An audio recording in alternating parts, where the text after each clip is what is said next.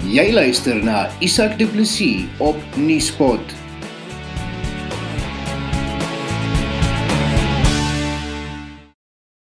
Die Britse liefdadigheidsorganisasie National Park Rescue sê hulle het sowat 350 olifantkarkasse van die begin van Mei af in die Okavango Delta in Botswana opgespoor.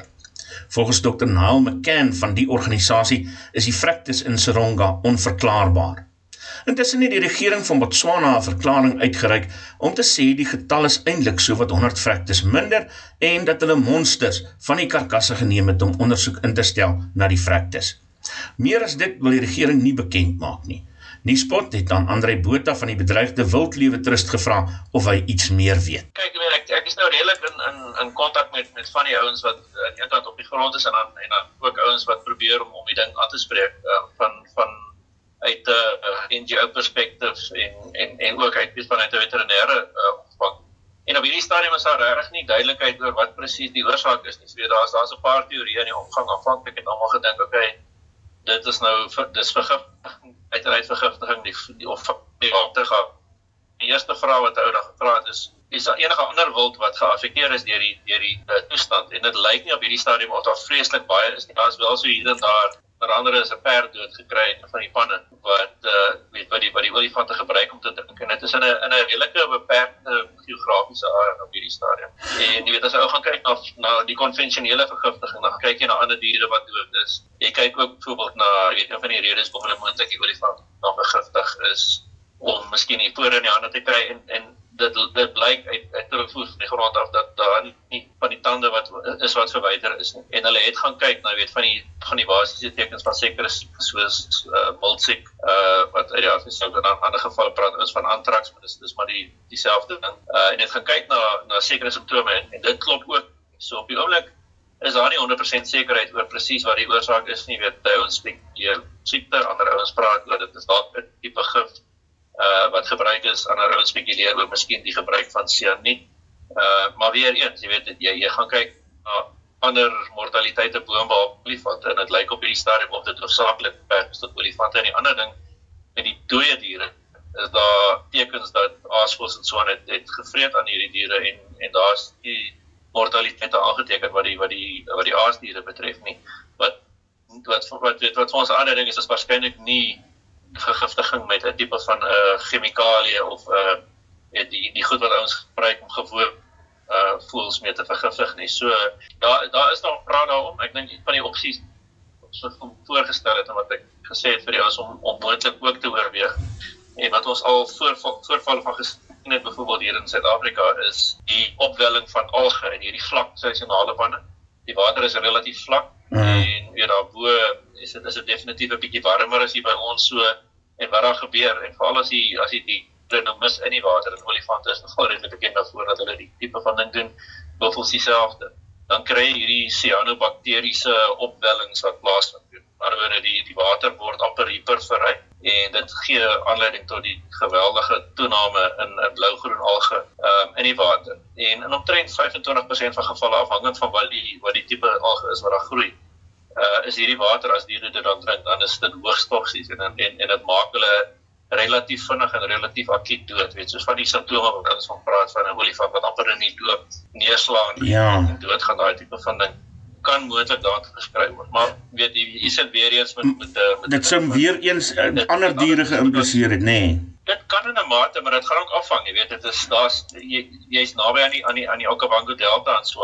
Uh die die gebied word gedomeineer deur olifante en blykbaar is daar nie vreeslike digthede ander wild in hierdie bepaalde gebied waar waar die olifante gekry is nie. So dit is moontlik dat die ander wild kan by ander waterbronne drink en die olifante omrede daar soveel van hulle is gebruik hierdie hierdie seisonale panne wat nou besig is om op te droog. En dit kan 'n rol speel maar jy weet daar daar's maniere om te kyk daarvoor. Ek dink die die groot uitdaging op die oomblik is hulle het monsters geneem aanvanklik en die monsters uh het hulle aanvanklik gedink om om binne in die land te ontleed en en die fasiliteit was nie daar nie. En ons het nou net gehoor die afgelope dag of twee ek dink die brief wat ek vir jou deur gestuur het wat hulle sê hulle het nou uiteindelik het hulle al hulle dinge in plek en hulle stuur nou van die monsters Suid-Afrika toe.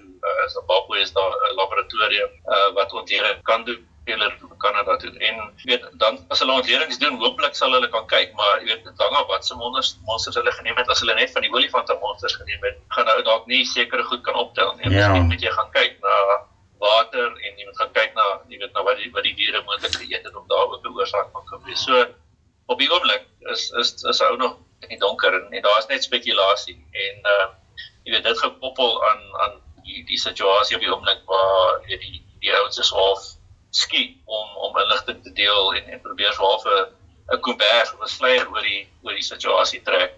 Dit maak dit moeilik. Jy weet ek dink dit is iets wat jy jy kan nie 'n ding aanspreek as jy nie weet wat die oorsaak is nie en en dis waarmee ons sit op hierdie stadium. Hoe groot is Botswana se olifantbevolking?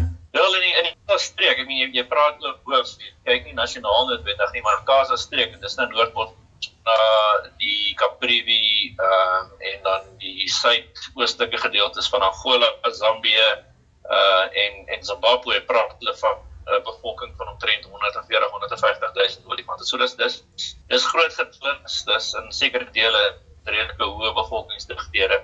En van die ons het gesê wel, maar die miskien speel die oorbevolking 'n rol, maar die oorbevolking gaan waarskynlik aanleiding gee tot of of 'n tipe van van siekte of of weet wat tekorte die klas van ding wat groot tractors kan veroorsaak maar hierdie hierdie lyk na een of ander agent wat betrokke is of weet het, het sy dit 'n siekte is en en of dit vergiftiging is. Weet moet met hulle probeer vasstel maar dit is baie moeilik om om weet vir jou om ondersteuning te gee. As as as die as die tipe van ondersteuning en inset en noodwendig verwelkom word en dis maar 'n 'n redelike uitdaging by ons mense jy, jy, jy probeer om betrokke te raak probeer om al te verleen maar dit is nie noodwendig altyd eh, 'n uh, baie welkome ding. Andre, net om 'n vergelyking te tref met dit wat jy in die begin gesê het, ek weet eh, 'n uh, jaar of wat gelede het hulle iets so amper 100 olifante gevind, uh, maar in daai geval was dit definitief vergiftiging en daar was besliste tekens wat daarop gedui het ja. is. Ja, nee, kyk, daar was dit was 'n dit was 'n stroop 'n uh, insident waar hulle 15 olifante geskiet het uh en en al die tande verwyder het en toe hulle van die karkasse doelbewus oopgesny en gif aangewend en dit is waar daai 537 aasvoëls doodgemaak het. So die benadering was heeltemal anders en en die toneel vertel vir jou heeltemal 'n ander storie. Hierso is daar geen oorgeklopene tekens van van stropery nie. Jy weet die die tande is glad nie wyder byvoorbeeld nie.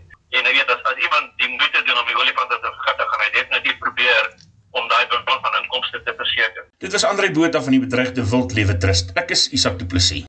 Wil jy seker maak dat jou boedelbeplanning, eiendomstransaksie of ander regswerk deur professionele kundiges hanteer word? Hurter Spies Prokureurs beskik oor uitstekende kundigheid wat die opstel van testamente en die hantering van boedels betref. Hurter Spies Prokureurs het ook bekendheid verwerf vir hulle sukses met litigasie oor jou burgerregte. Kliënte se unieke behoeftes word deeglik deur kundiges op elke terrein hanteer.